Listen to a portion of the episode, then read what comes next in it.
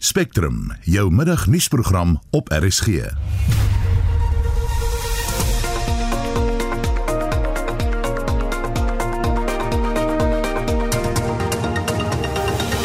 Всім доброго ранку, українці.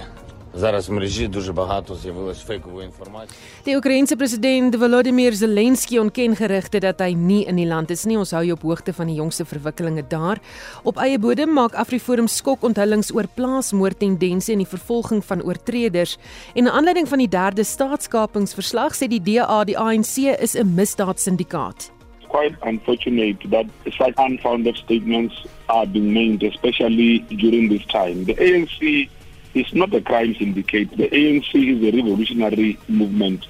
Span in die ateljee is redakteur Marlenae Forsie, produksieregisseur Johan Pieterse en ek is Susan Paxton.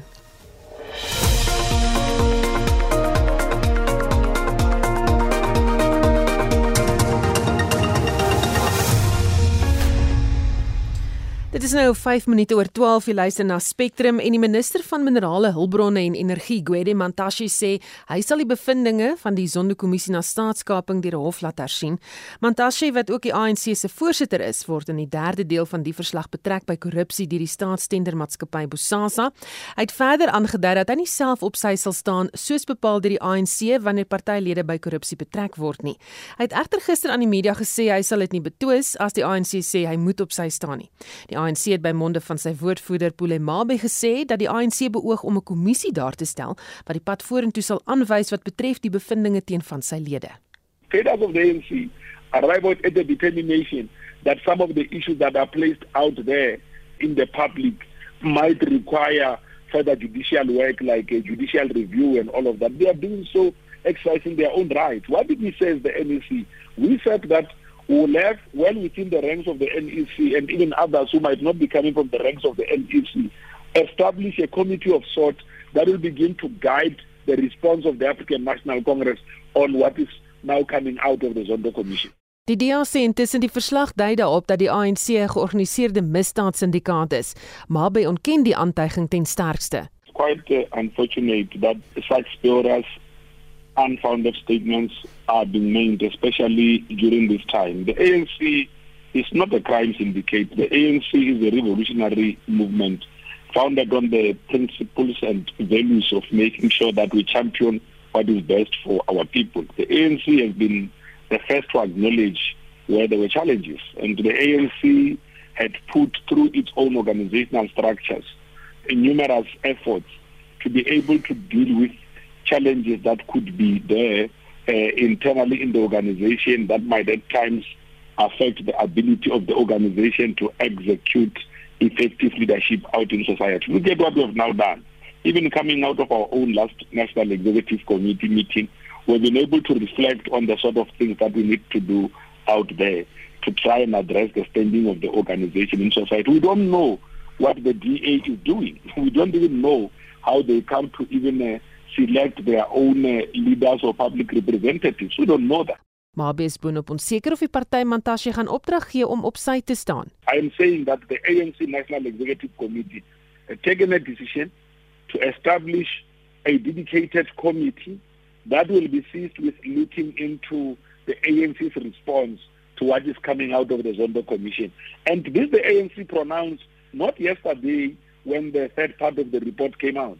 This the ANC pronounced when it had its own National Executive Committee meeting. It said, now that these findings are being placed out in the public, to make sure that we coordinate ourselves better, let us have a dedicated team that is going to work on the formulation of our own responses. But the ANC cannot, even without studying those reports, En dit was die woordvoerder van die ANC Polemabe wat vroeër met SAFM gepraat het en vir sy mening oor die kwessie praat ons nou met die politieke en beleidsontleder Tieu Venter. Goeiemôre Tieu.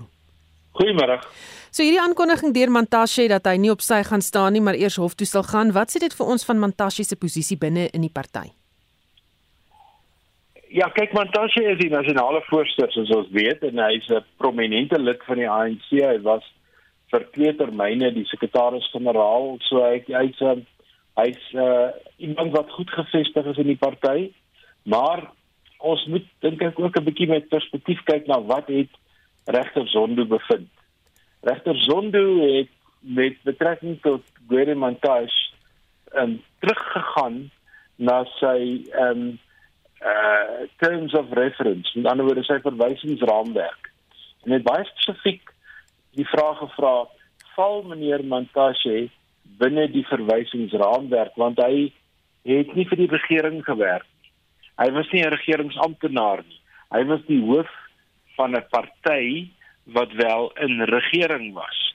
En in daardie opsig het hy um, die bevinding gemaak dat miskien moet meneer Montage tog 'n bietjie ondersoek word. So hy het nie gesê is skuldig nie. Hy het gesê Montage moet ondersoek word op grond daarvan dat die sekretaris-generaal van die party 'n geweldige wye invloed het en dat hy met gedurig met ministers en met die president en met almal op verskillende maniere ehm um, eh uh, uh, beïnvloed en en besluite kan neem.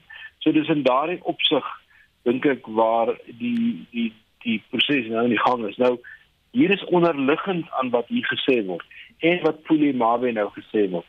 Weereens met 'n demonstrasie of 'n vir bewys van hoe kompleks die situasie raak rondom 'n dominante partytelsel waar een party alles domineer dan vervaag verhouding tussen staat en regering in baie opsigte word dit in stand gehou en die president byvoorbeeld doen dit met gemak maar die vorige president president Zuma het dit nie met gemak gedoen nie hy het dinge die mekaar laat loop en dis in die tyd waar Gwede Mantashe ook was. So as jy 'n dominante partytelsel het waar die oppositiepartye te klein is om betekenisvolle veranderinge aan te bring, dan kry jy dat dinge skeefloop soos wat dit met Gwede Mantashe skeef geloop het.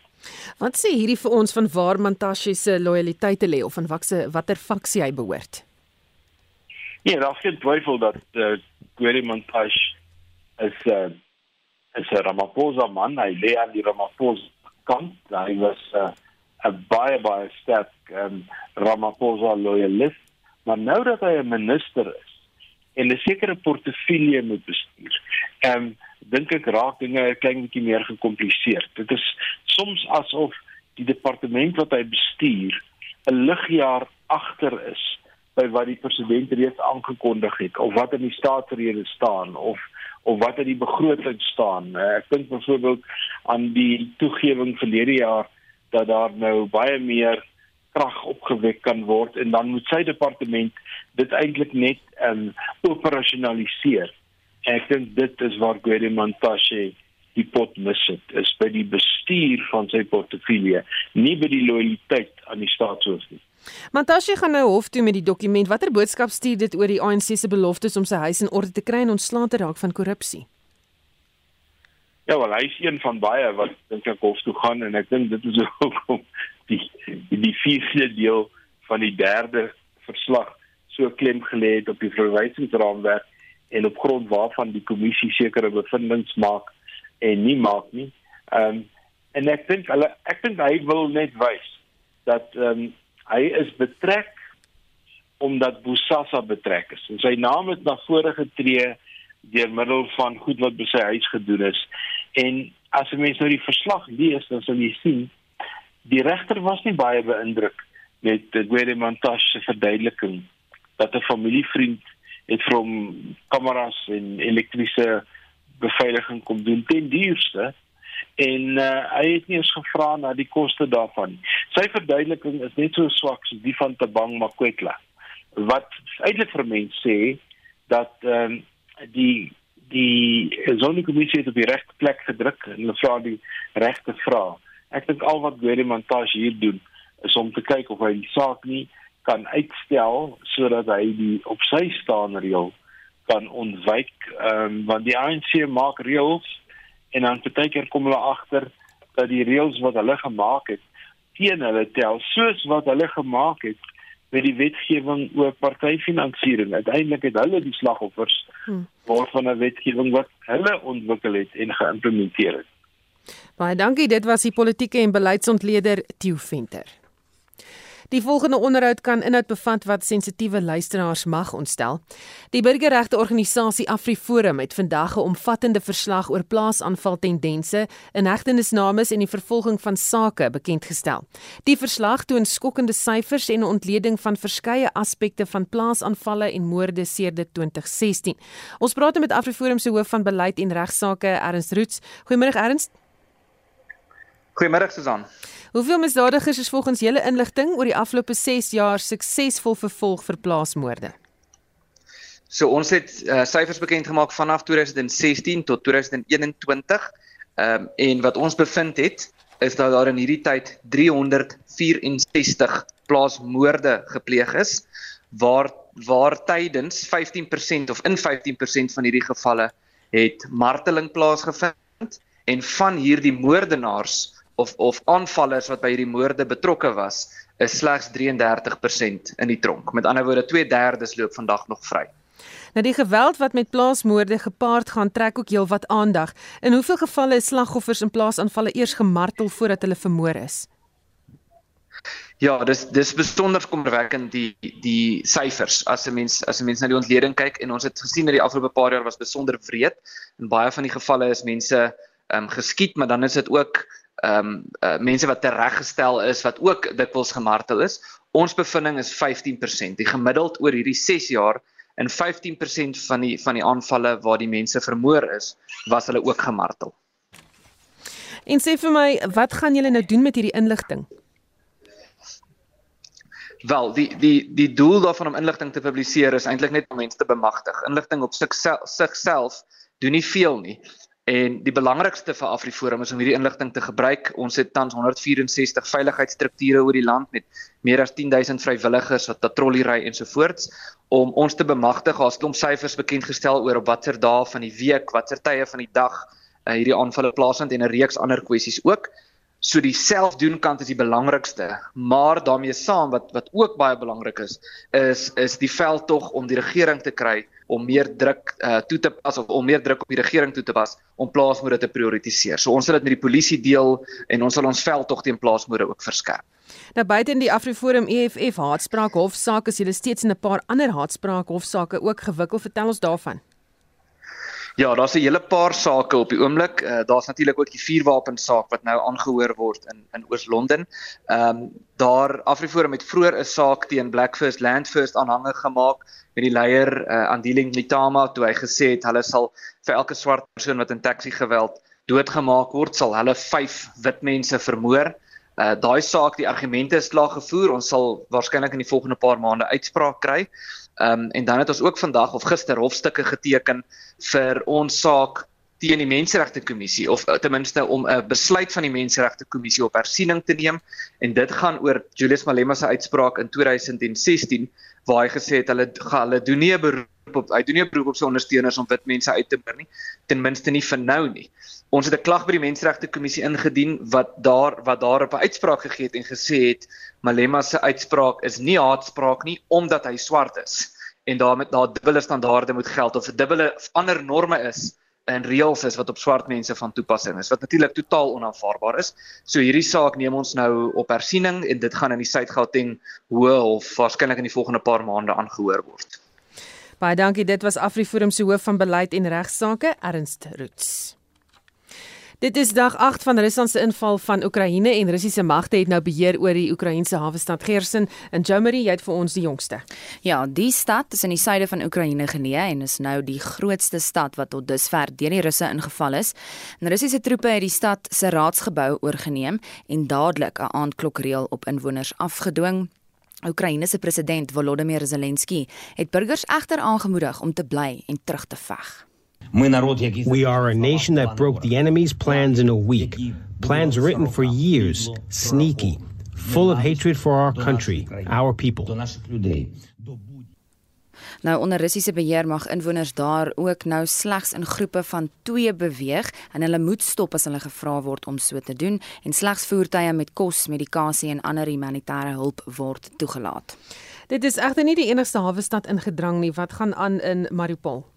Ja, nou daar, die bestoking van die stad in die suidooste van Oekraïne duur voort. Daar is nog nie baie besonderhede hieroor nie en burgerlikes is versoek om die stad te verlaat via wat hulle noem 'n groen korridor.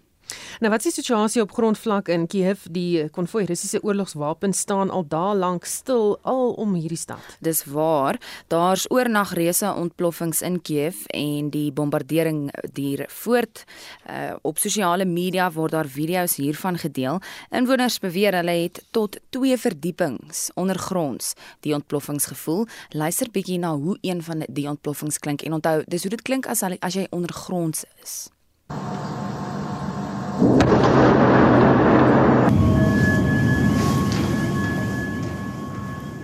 Dis egter nie duidelik wat presies die Russe geteken het nie wat die 60 km plus konvoi betref, berig die BBC dat die Russe waarskynlik 'n brandstoftekort ervaar. Hier is wat Zelensky vanoggend daaroor gesê het. They know nothing about our capital, about our history, but they have an order to erase our history, to erase our country, to erase us all. Nou Susan, intussen het die internasionale strafhof met 'n ondersoek begin om vas te stel of Rusland wel oorlogsmisdade in Oekraïne gepleeg het. Die dodetal sedert die konflik begin het is natuurlik onduidelik. Die VN sê sowat 227 landsburgers in Oekraïne is dood, maar dat die getal waarskynlik veel hoër is. Rusland het egter vir die eerste keer 'n ver verklaring uitgereik en dit sê 498 Russiese troepe is sedert die oorlog begin het dood. En ek sien atlete van Rusland en Belarus mag nie meer aan die winter uh, paralimpiese spele deelneem nie. Die Russe word nie net deur ekonomiese sanksies geraak nie. Die besluit is geneem nadat die internasionale paralimpiese komitee vroeër gekritiseer is omdat hy aanvanklik 71 atlete van Rusland en 12 van Belarus sou toelaat om deel te neem. Dit was Jamie Verhoef se hou vir ons op hoogte van sake in Oekraïne soos wat Rusland se bombardering van sleutelstede in die land voortduur. Nou 35 lande het gister tydens die Verenigde Nasies se algemene vergadering oor 'n resolusie in die Rusland-Oekraïne konflik by te stemming gebly. Suid-Afrika was een van die lande. 141 lande was ten gunste van Rusland se onttrekking uit Oekraïne en vier lande, naamlik Belarus, Sirië, Noord-Korea en Eritrea, het nee gestem. Matu Joini, die Suid-Afrikaanse ambassadeur en die permanente lid van die Verenigde Nasies, verduidelik hoekom Suid-Afrika by te stemming gebly het.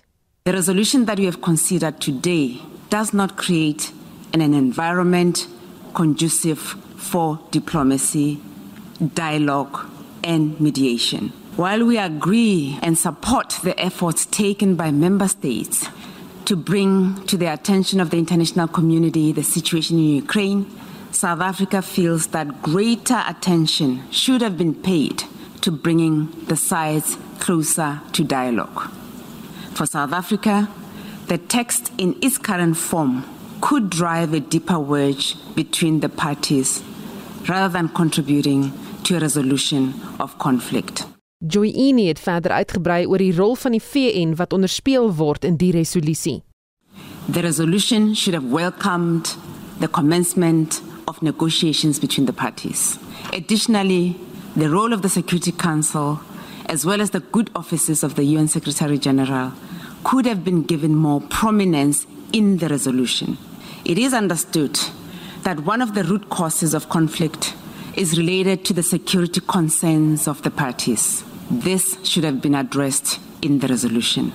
Even though this emergency special session of the General Assembly is being held after the failure of the Security Council to address the matter, we believe that the Security Council should still be urged to play its role as mandated by the Charter to maintain international peace and security.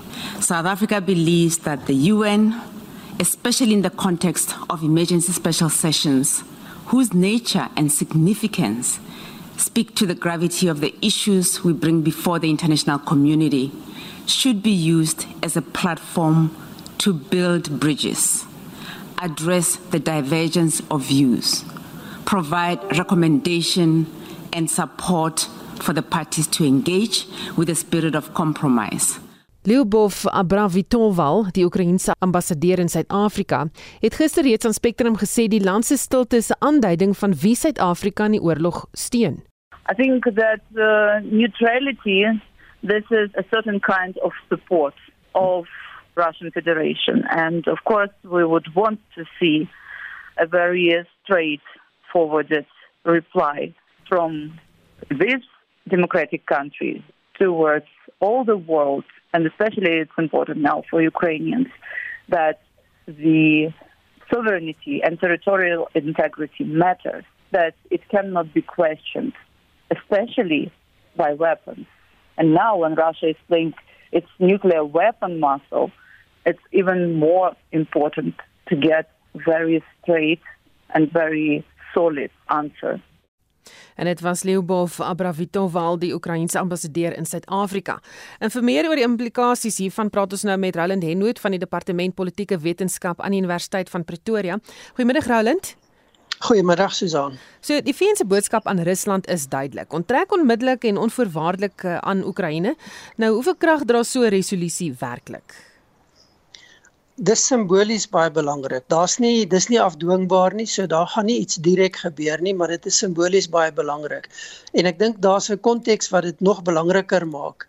In 2014 met die anneksering van die Krimskiereiland was daar 'n soortgelyke resolusie in die algemene vergadering en toe het net 100 lande dit ondersteun met 58 ehm um, buitestemming en 'n hele klomp teenstemme, 35 dink ek omtrent. Nou kyk ons na 141 wat dit steun en dan is dit belangrik om te gaan kyk wie is die 141. Tweede kategorie wie het buite stemming gebly en en en die getal maar maar wie was dit? En byvoorbeeld 28 Afrika lande het vir die resolusie gestem. Dit sê vir ons dat Suid-Afrika is uitpas met Afrika en Suid-Afrika is waarskynlik uitpas met die res van die wêreld. Ehm um, so dis 'n belangrike aanduiding simbolies vir Rusland dat die magdom groot meerderheid van state is baie ernstig ontevrede en gekant teen wat gebeur. Ehm um, maar dis ook 'n boodskap om te sê gaan kyk bietjie plekke so Suid-Afrika. Waar staan julle in werklik in terme van hierdie sake? Hmm. En dan moet so 'n resolusie nie, jy weet, afgedwing kan word nie. Nie noodwendig nie. Ehm um, daar's baie sulke resolusies wat geneem is. En hier kan ons ook teruggaan in die geskiedenis. Hoeveel keer is sulke resolusies in Suid-Afrika se geval geneem, beide oor wat destyds Suid-Wes-Afrika en Namibië genoem is en ook oor die binnelandse politiek die die ehm um, in Suid-Afrika omdat dit in die veiligheidsraad nêrens gekom het nie. En ek dink dis die belangrike punt. 'n Mens moet verstaan hoe werk die VN en hoe werk die verskillende organe van die VN. Die Veiligheidsraad is 'n baie belangrike plek waar uitvoering gegee kan word, maar daar's 'n groot ehm um, leemte in die Veiligheidsraad en dit is die veto. Daar gaan niks in die Veiligheidsraad gebeur nie want Rusland gaan dit veto, want dit raak Rusland direk. En dit is die wanbalans wat daar is, dat daar vyf state is wat enige besluite teen hulle kan blok. En dan is jou volgende stap, kom ons gaan na die algemene vergadering toe dit het nie die afdwingbaarheid nie, maar dit stuur 'n baie duidelike boodskap. En dan moet 'n mens nie onderskat hoe hierdie besluit en boodskap kan uitkring en ander gevolge kan hê nie.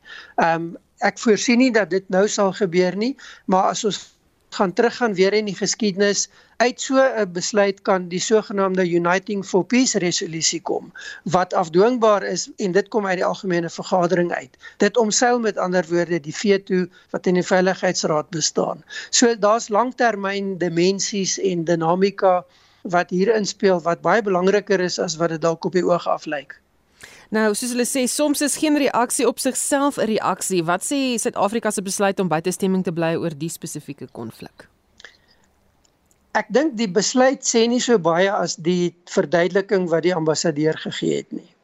En dit is iets wat ons nou al 'n paar keer gesien het wanneer dit by moeilike sake kom, dan verval Suid-Afrika in hierdie tegniese verduideliking, amper 'n bureaukratiese verduideliking van hoekom hulle nie die regte ding kan doen nie en dit het al 'n paar keer gelei tot baie ernstige negatiewe resultate waar Suid-Afrika byvoorbeeld direk teen menseregte beginsels stem wat ons eintlik probeer bevorder het. So ons is besig om ons eie beleid te weerspreek.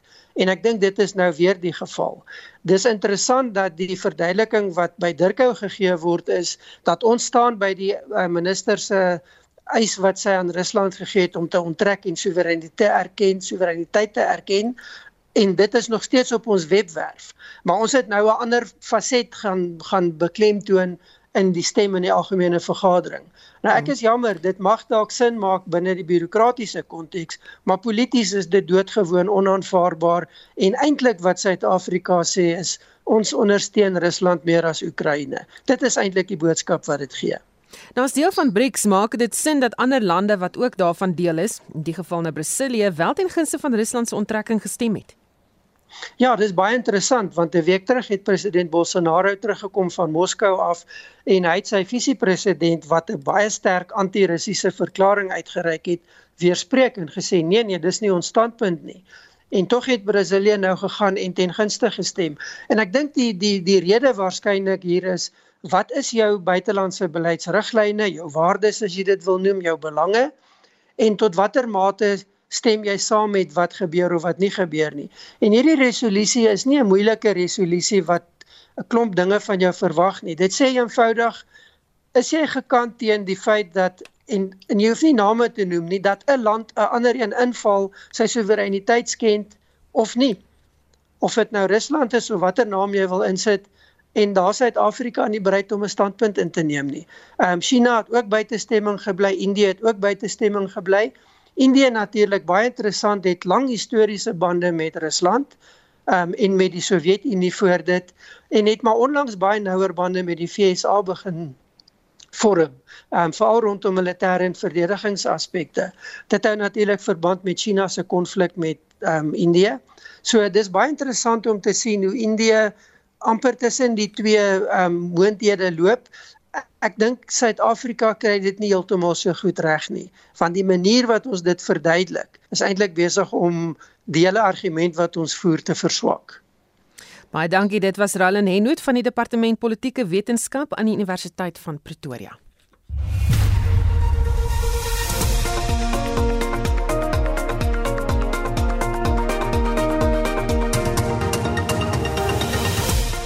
Indien jy pas by ons ingeskakel het, Afriforum sê sy verslag oor plaasmoordtendense het 'n bemagtigingsdoel. Ons het tans 164 veiligheidsstrukture oor die land met meer as 10000 vrywilligers wat patrolliery ensovoorts om ons te bemagtig. Het om syfers bekend gestel oor op watter dae van die week, watter tye van die dag uh, hierdie aanvalle plaasvind en 'n reeks ander kwessies ook. Later in die program vra ons of Suid-Afrika op die herstelkoers is na aanleiding van die afgelope tyd se lae aantal COVID-19 gevalle en sterftes. En die DA sê die regering stuur die verkeerde boodskap aan stroopers deur permitte uit te reik vir jag van swart renosters en luiperds. Bly ingeskakel.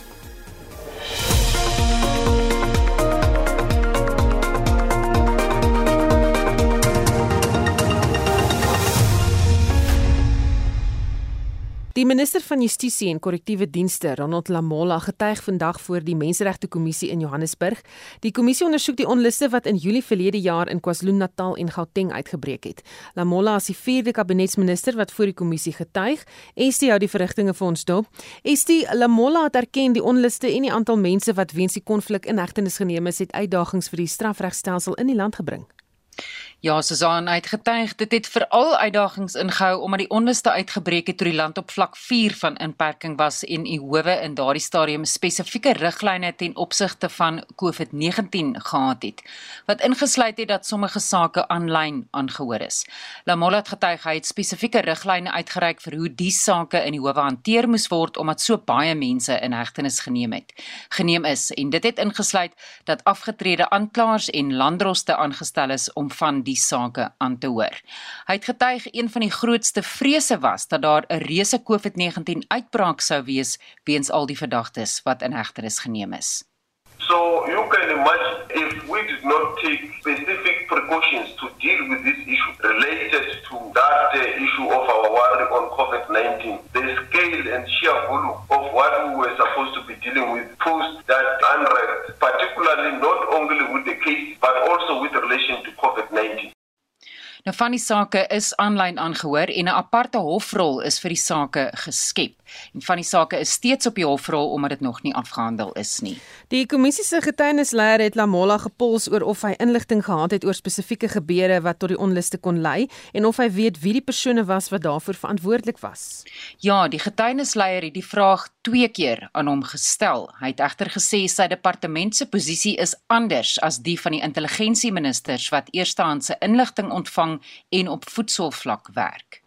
We were informed of the types of crimes that were being committed, which is looting of shopping malls, destruction of properties, blockages of roads, killing of people, and all that. And we were told that these are the things that are happening. Hence, we immediately directed that we need to have direction that will enable the SAPS, as and when they bring these cases to the court, to have a space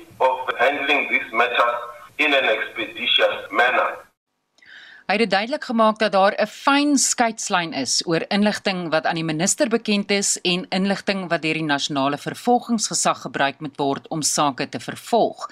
En dit was belangrik vir hom om slegs die howe voor te berei op hoeveel moontlike sake sou volg. Die kommissie het Lamola ook uitgevra oor wat sy departement se rol sou wees as gebeure in die land 'n bedreiging vir die grondwetlike standvastigheid van die land sou inhou.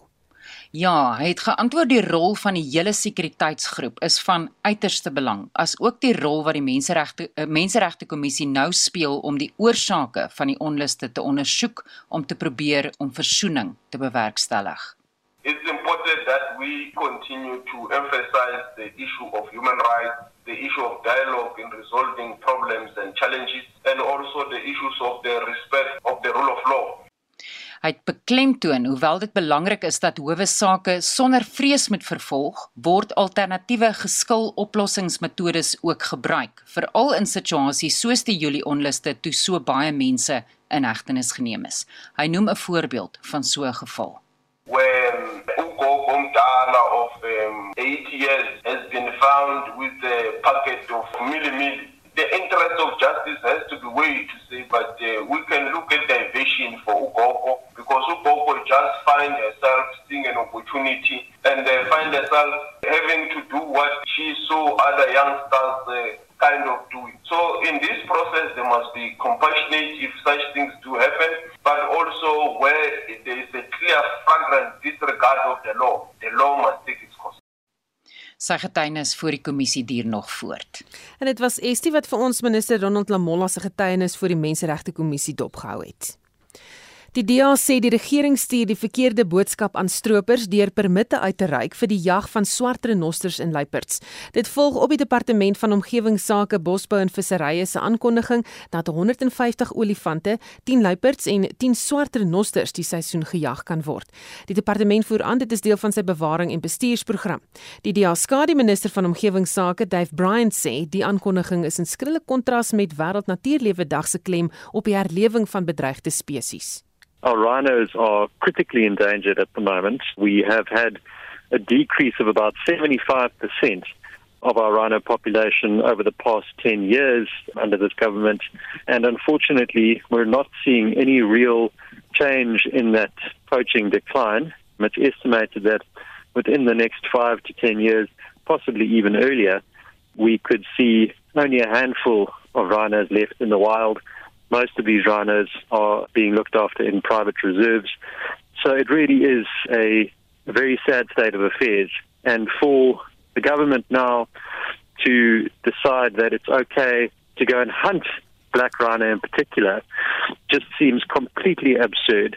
Brian sê die redes wat die departement vir sy besluit om die permitte uit te reik aanvoer, maak ook die sin nie. The rationale behind it is not uh, suitable. It doesn't actually make sense because of the fact that we are having this continued decline in the rhino population. So the idea that our brave sandparks rangers are putting their lives on the line every day to protect these rhinos, on the one hand, and on the other hand, you have the option for somebody who has enough money to come in and shoot a rhino dead and uh, and mount its head on the wall. So it's very tone deaf, it's very distasteful, and I know that there is a lot of uproar in the international community in particular, but also within local conservation groups saying, you know, what is the South African government thinking? You know, on one hand, you say you want to protect the animal, but on the other hand, you're saying, you know, let's go and, and allow people who have enough money to go and shoot it for fun. En dit was die DEA se skare minister van omgewingsake, Dave Bryant. Ons bly by omgewingsake. Morsjorse wat die publiek, maatskappye en selfs lande insluit, gaan binnekort hulle rieme styf loop as hulle aanhou besoedel. Die Wêreld Natuurliewe Fonds sê die plastiekverdrag wat deur die Verenigde Nasies by Junia in Kenia aanvaar is, sal die weg baan om onderhandelinge oor plastiekvervaardiging en besoedeling te begin. Lauren de Kok van die WWF sê die verdrag is ook 'n wetlike dokument wat sal verseker dat almal gehoor gee aan die vereistes daarvan. So voor die UNEA vergadering met al die UN state gister in Nairobi was baie werk wat gedoen deur verskillende lande en NGOs soos WWF en Greenpeace om resolusies in plek te stel oor plastiekbesoedeling.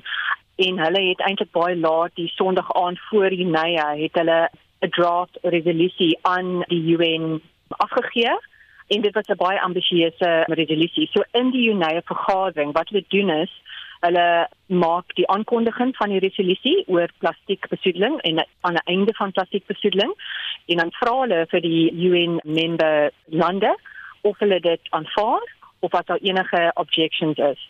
En gister was daar geen objections en dit was aanvaar deur die UN. So ons het nou hulle noem dit 'n negotiating mandate om nou met hierdie treaty oor plastiekbesoedeling te begin. Wat is nou die pad vorentoe? Daar is nou 'n hulle noem dit 'n international negotiating committee. So baie soortgelyk aan die klimaatspasie by die UN, hulle noem dit die United Nations Framework Convention on Climate Change. Daar is nou 'n negotiating mandate soos die UNFCCC vir klimaatsverandering vir plastiekbesoedeling nou. So die volgende stappe is nou om die ooreenkoms, die besonderhede van daai ooreenkoms in plek te stel. Wat is nodig? Wat is die elemente van daai ooreenkoms? En dit vir al die lande wêreldwyd, hulle aanvaar daar is hierdie wêreldwye probleem met plastiekbesoedeling. Hoe gaan hulle dit nou aanpak? Hoe gaan hulle dit nou regmaak of adresseer? So daai treaty elements gaan oor jy weet, hoe gaan ons rapporteer aan plastiekbesoedeling in elke land? Wat se wette gaan in plek gesit word, wat internasionale wette ooreenkoms en die ding is dis nou hulle noem dit 'n legally binding. So as lande nie hulle die ooreenkoms kan daarna kom, sal daar gevolge wees. Wat baie interessant is, want gewoonlik is hierdie internasionale ooreenkomste nie legally binding nie, wat eintlik dit baie sterker maak sodat daar, jy weet, daar word progress progress word gemaak tot jy weet hierdie treaty elements. Dit is die volgende stap. En dit was Lauren de Kok van die WWF. 1245 net minder as 2000 nuwe COVID-19 gevalle is die afgelope 24 uur in die land aangemeld. Die meeste gevalle is in Gauteng, gevolg deur KwaZulu-Natal. Dan word in die media berig dat Suid-Afrika op herstelpad is, maar is die pandemie regtig besig om af te plat hier op eie bodem? Ons praat nou met die infeksie siektebeheer spesialis aan die 3 Militêre Hospitaal in Bloemfontein, Dr. Kloete van Vieren. Goeiemôre Kloete. Hallo Susan. Hoekom sien ons dit gevalle in die land so skerp afgeneem het en dat die positiwiteitsvlak nou so tussen 7 en 10% bly?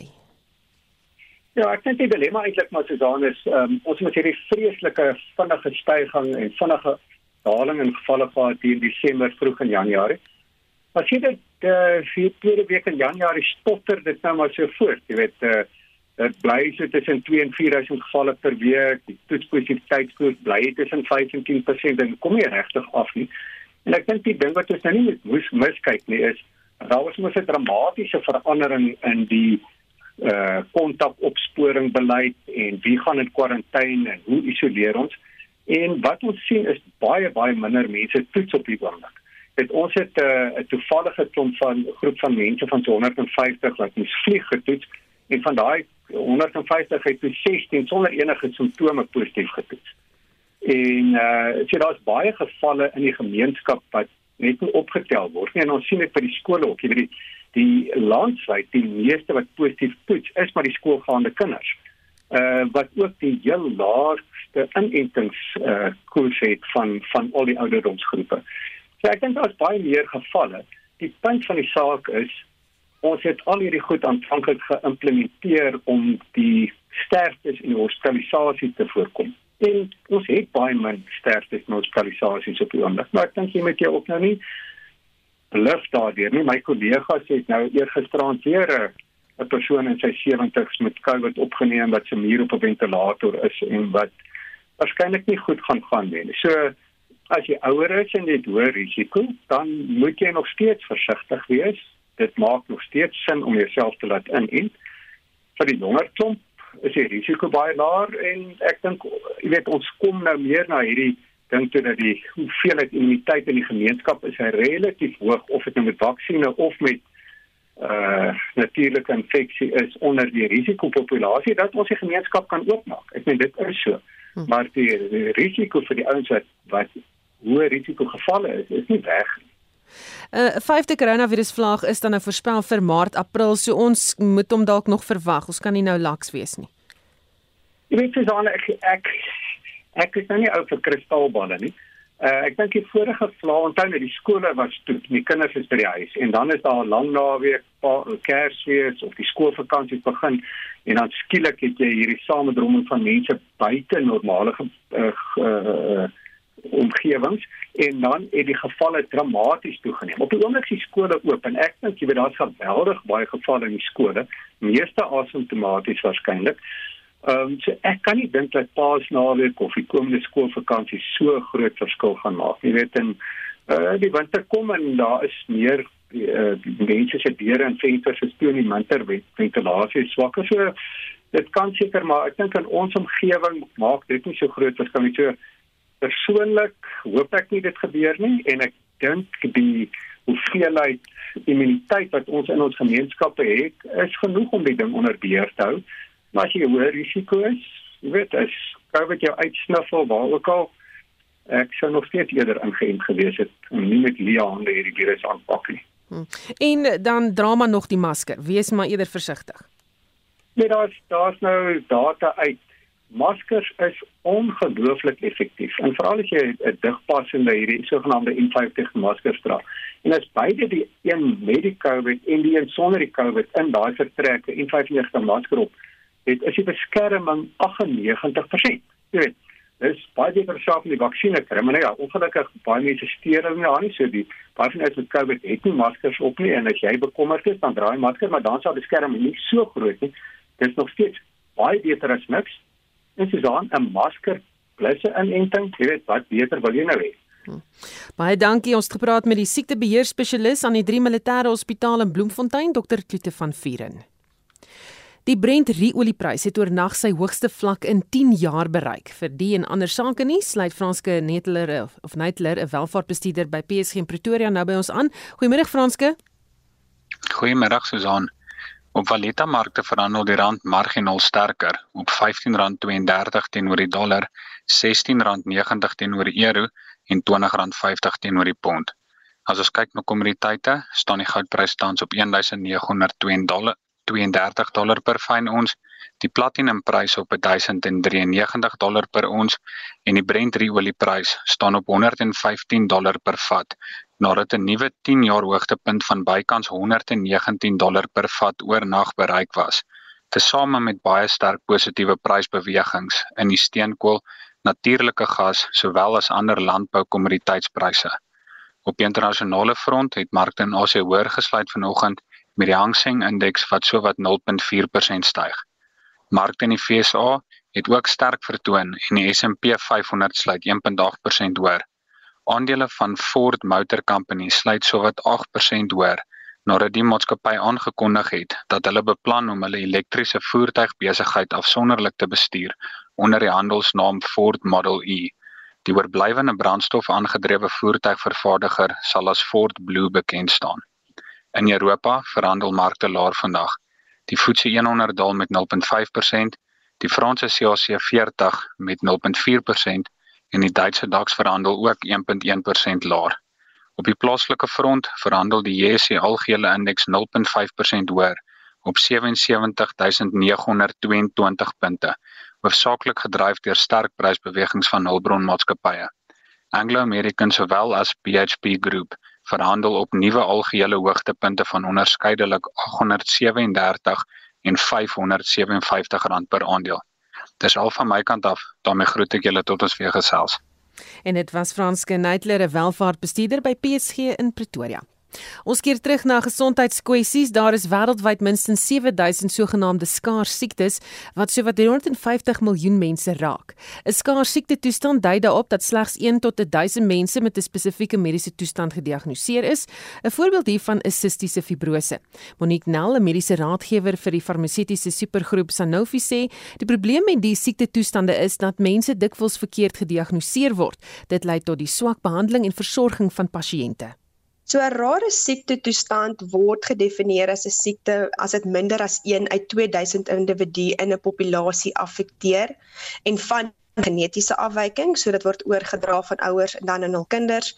So die genetiese afwyking is gewoonlik in 'n geen of 'n kromosoom, maar daar is ook kondisies wat nie van die aard is nie en dit is die wat ewe skansig kan ontstaan en is nie oorerflik nie. Dit is jou kankers, jou auto-immuun siektes, So elke rare siekte toestand is eintlik gedokumenteer en opgeskryf en kan nageslaan word vir meer inligting, maar tot op hede is daar meer as 7000 verskillende siektes en elkeen het natuurlik sy eie beskrywing en en komplikasies wat daarmee gepaard gaan. Hemofilia is definitief 'n voorbeeld en dit gebeur nogals baie in die Suid-Afrika populasie. Cystic fibrosis is ook ene, Tay-Sachs disease. So ja, dis meestal nou die hmm. Engelse benaming, maar van 'n Sanofi perspektief af fokus ons nogals op die lysosomal storage diseases. Lysosomale stoorafwykings is as gevolg van 'n spesifieke mutasie in 'n geen wat genormaalweg verantwoordelik is vir die programmering van 'n ensiem. Maar as gevolg van die afwyking in die geen is af en elke ensiem is eintlik verantwoordelik vir 'n spesifieke struktuur om 'n struktuur af te breek in die liggaam. Maar natuurlik is die ensiem nou nie werk nie. Dis dan nou 'n ophoping van hierdie struktuur wat dan lei na seldisfunksie in en seldood. En dan die impak van so 'n geval is natuurlik verskeie organe en liggaamstelsels wat geaffekteer word. Wat is die grootste uitdagings wat betref die behandeling van rare siektes hier in Suid-Afrika? Oh, daar is verskriklik baie uitdagings, maar jy's reg, een van die belangrikstes is verseker dan die behandeling, maar ook 'n gepaste sorg in die geval waar daar nie regtig 'n behandeling vir die kondisie is nie. Vir die oormeerderheid van die kondisies is daar ongelukkig nie 'n geregistreerde middel nie. En van 'n Suid-Afrika perspektief, maar ook van 'n Afrika perspektief af, in baie gevalle is daar wel behandelings wat effektief sal kan werk maar ongelukkig het nie elke individu 'n posisie om eintlik die medikasie te kan bekostig of te ontvang nie. So ek glo nie al ons gesondheidssentrums en gesondheidspersoneel is ook partykeer goed genoeg ingelig oor al die siektes en die behandelings nie. Weereens bring dit my net terug hoekom ons hierdie dag vier want dit gaan alsoor die lopende bewusmaking en opleiding in die spasie van van rare kondisies. En dit was Monique Nelle, mediese adviseur van die farmaseutiese supergroep Sanofi. Rare siekte bewusmakingsdag is die afgelope week gevier hier in Suid-Afrika.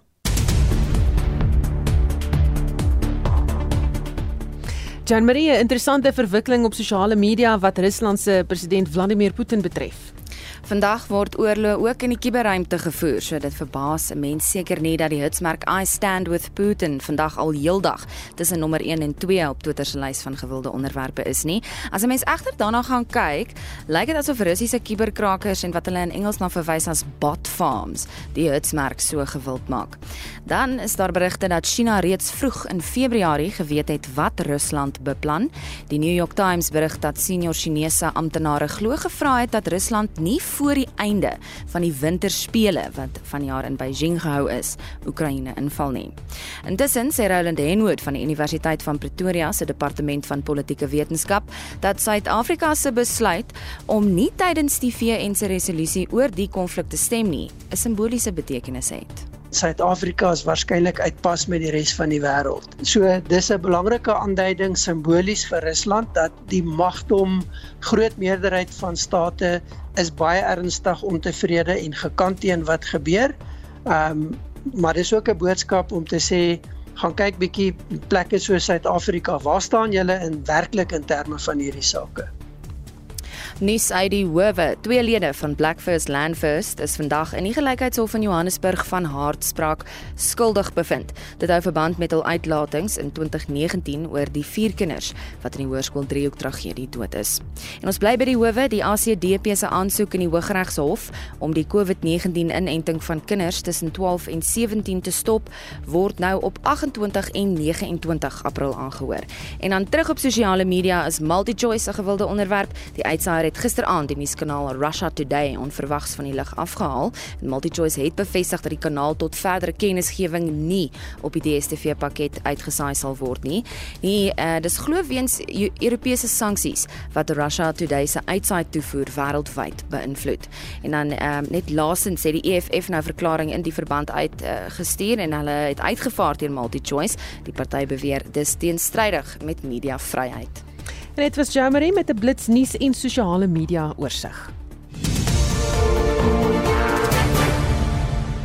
Net so voor ons groet, ek sien die M1 suid uh, na rigting oos. Dis nou die afrit daardie is gesluit. Die verkeer word herlei na Village weg. Toe so as jy in die omgewing is hier in Gauteng op die N1 suid, die uh, pad na die M2 oos afrit, dit is gesluit en jy gaan die Village afrit moet neem daar. Onder vorige uitsendings van Spectrum is beskikbaar op potgooi gaan net na RC se webblad by www.rc.co.za. Ons naam is soos uitvoerende regisseur Nicoline de Wee. Ons redakteur is Marlene Forsie en ons produksieregisseur is Johan Pieterse. My naam is Susan Paxton. Geniet jou middag.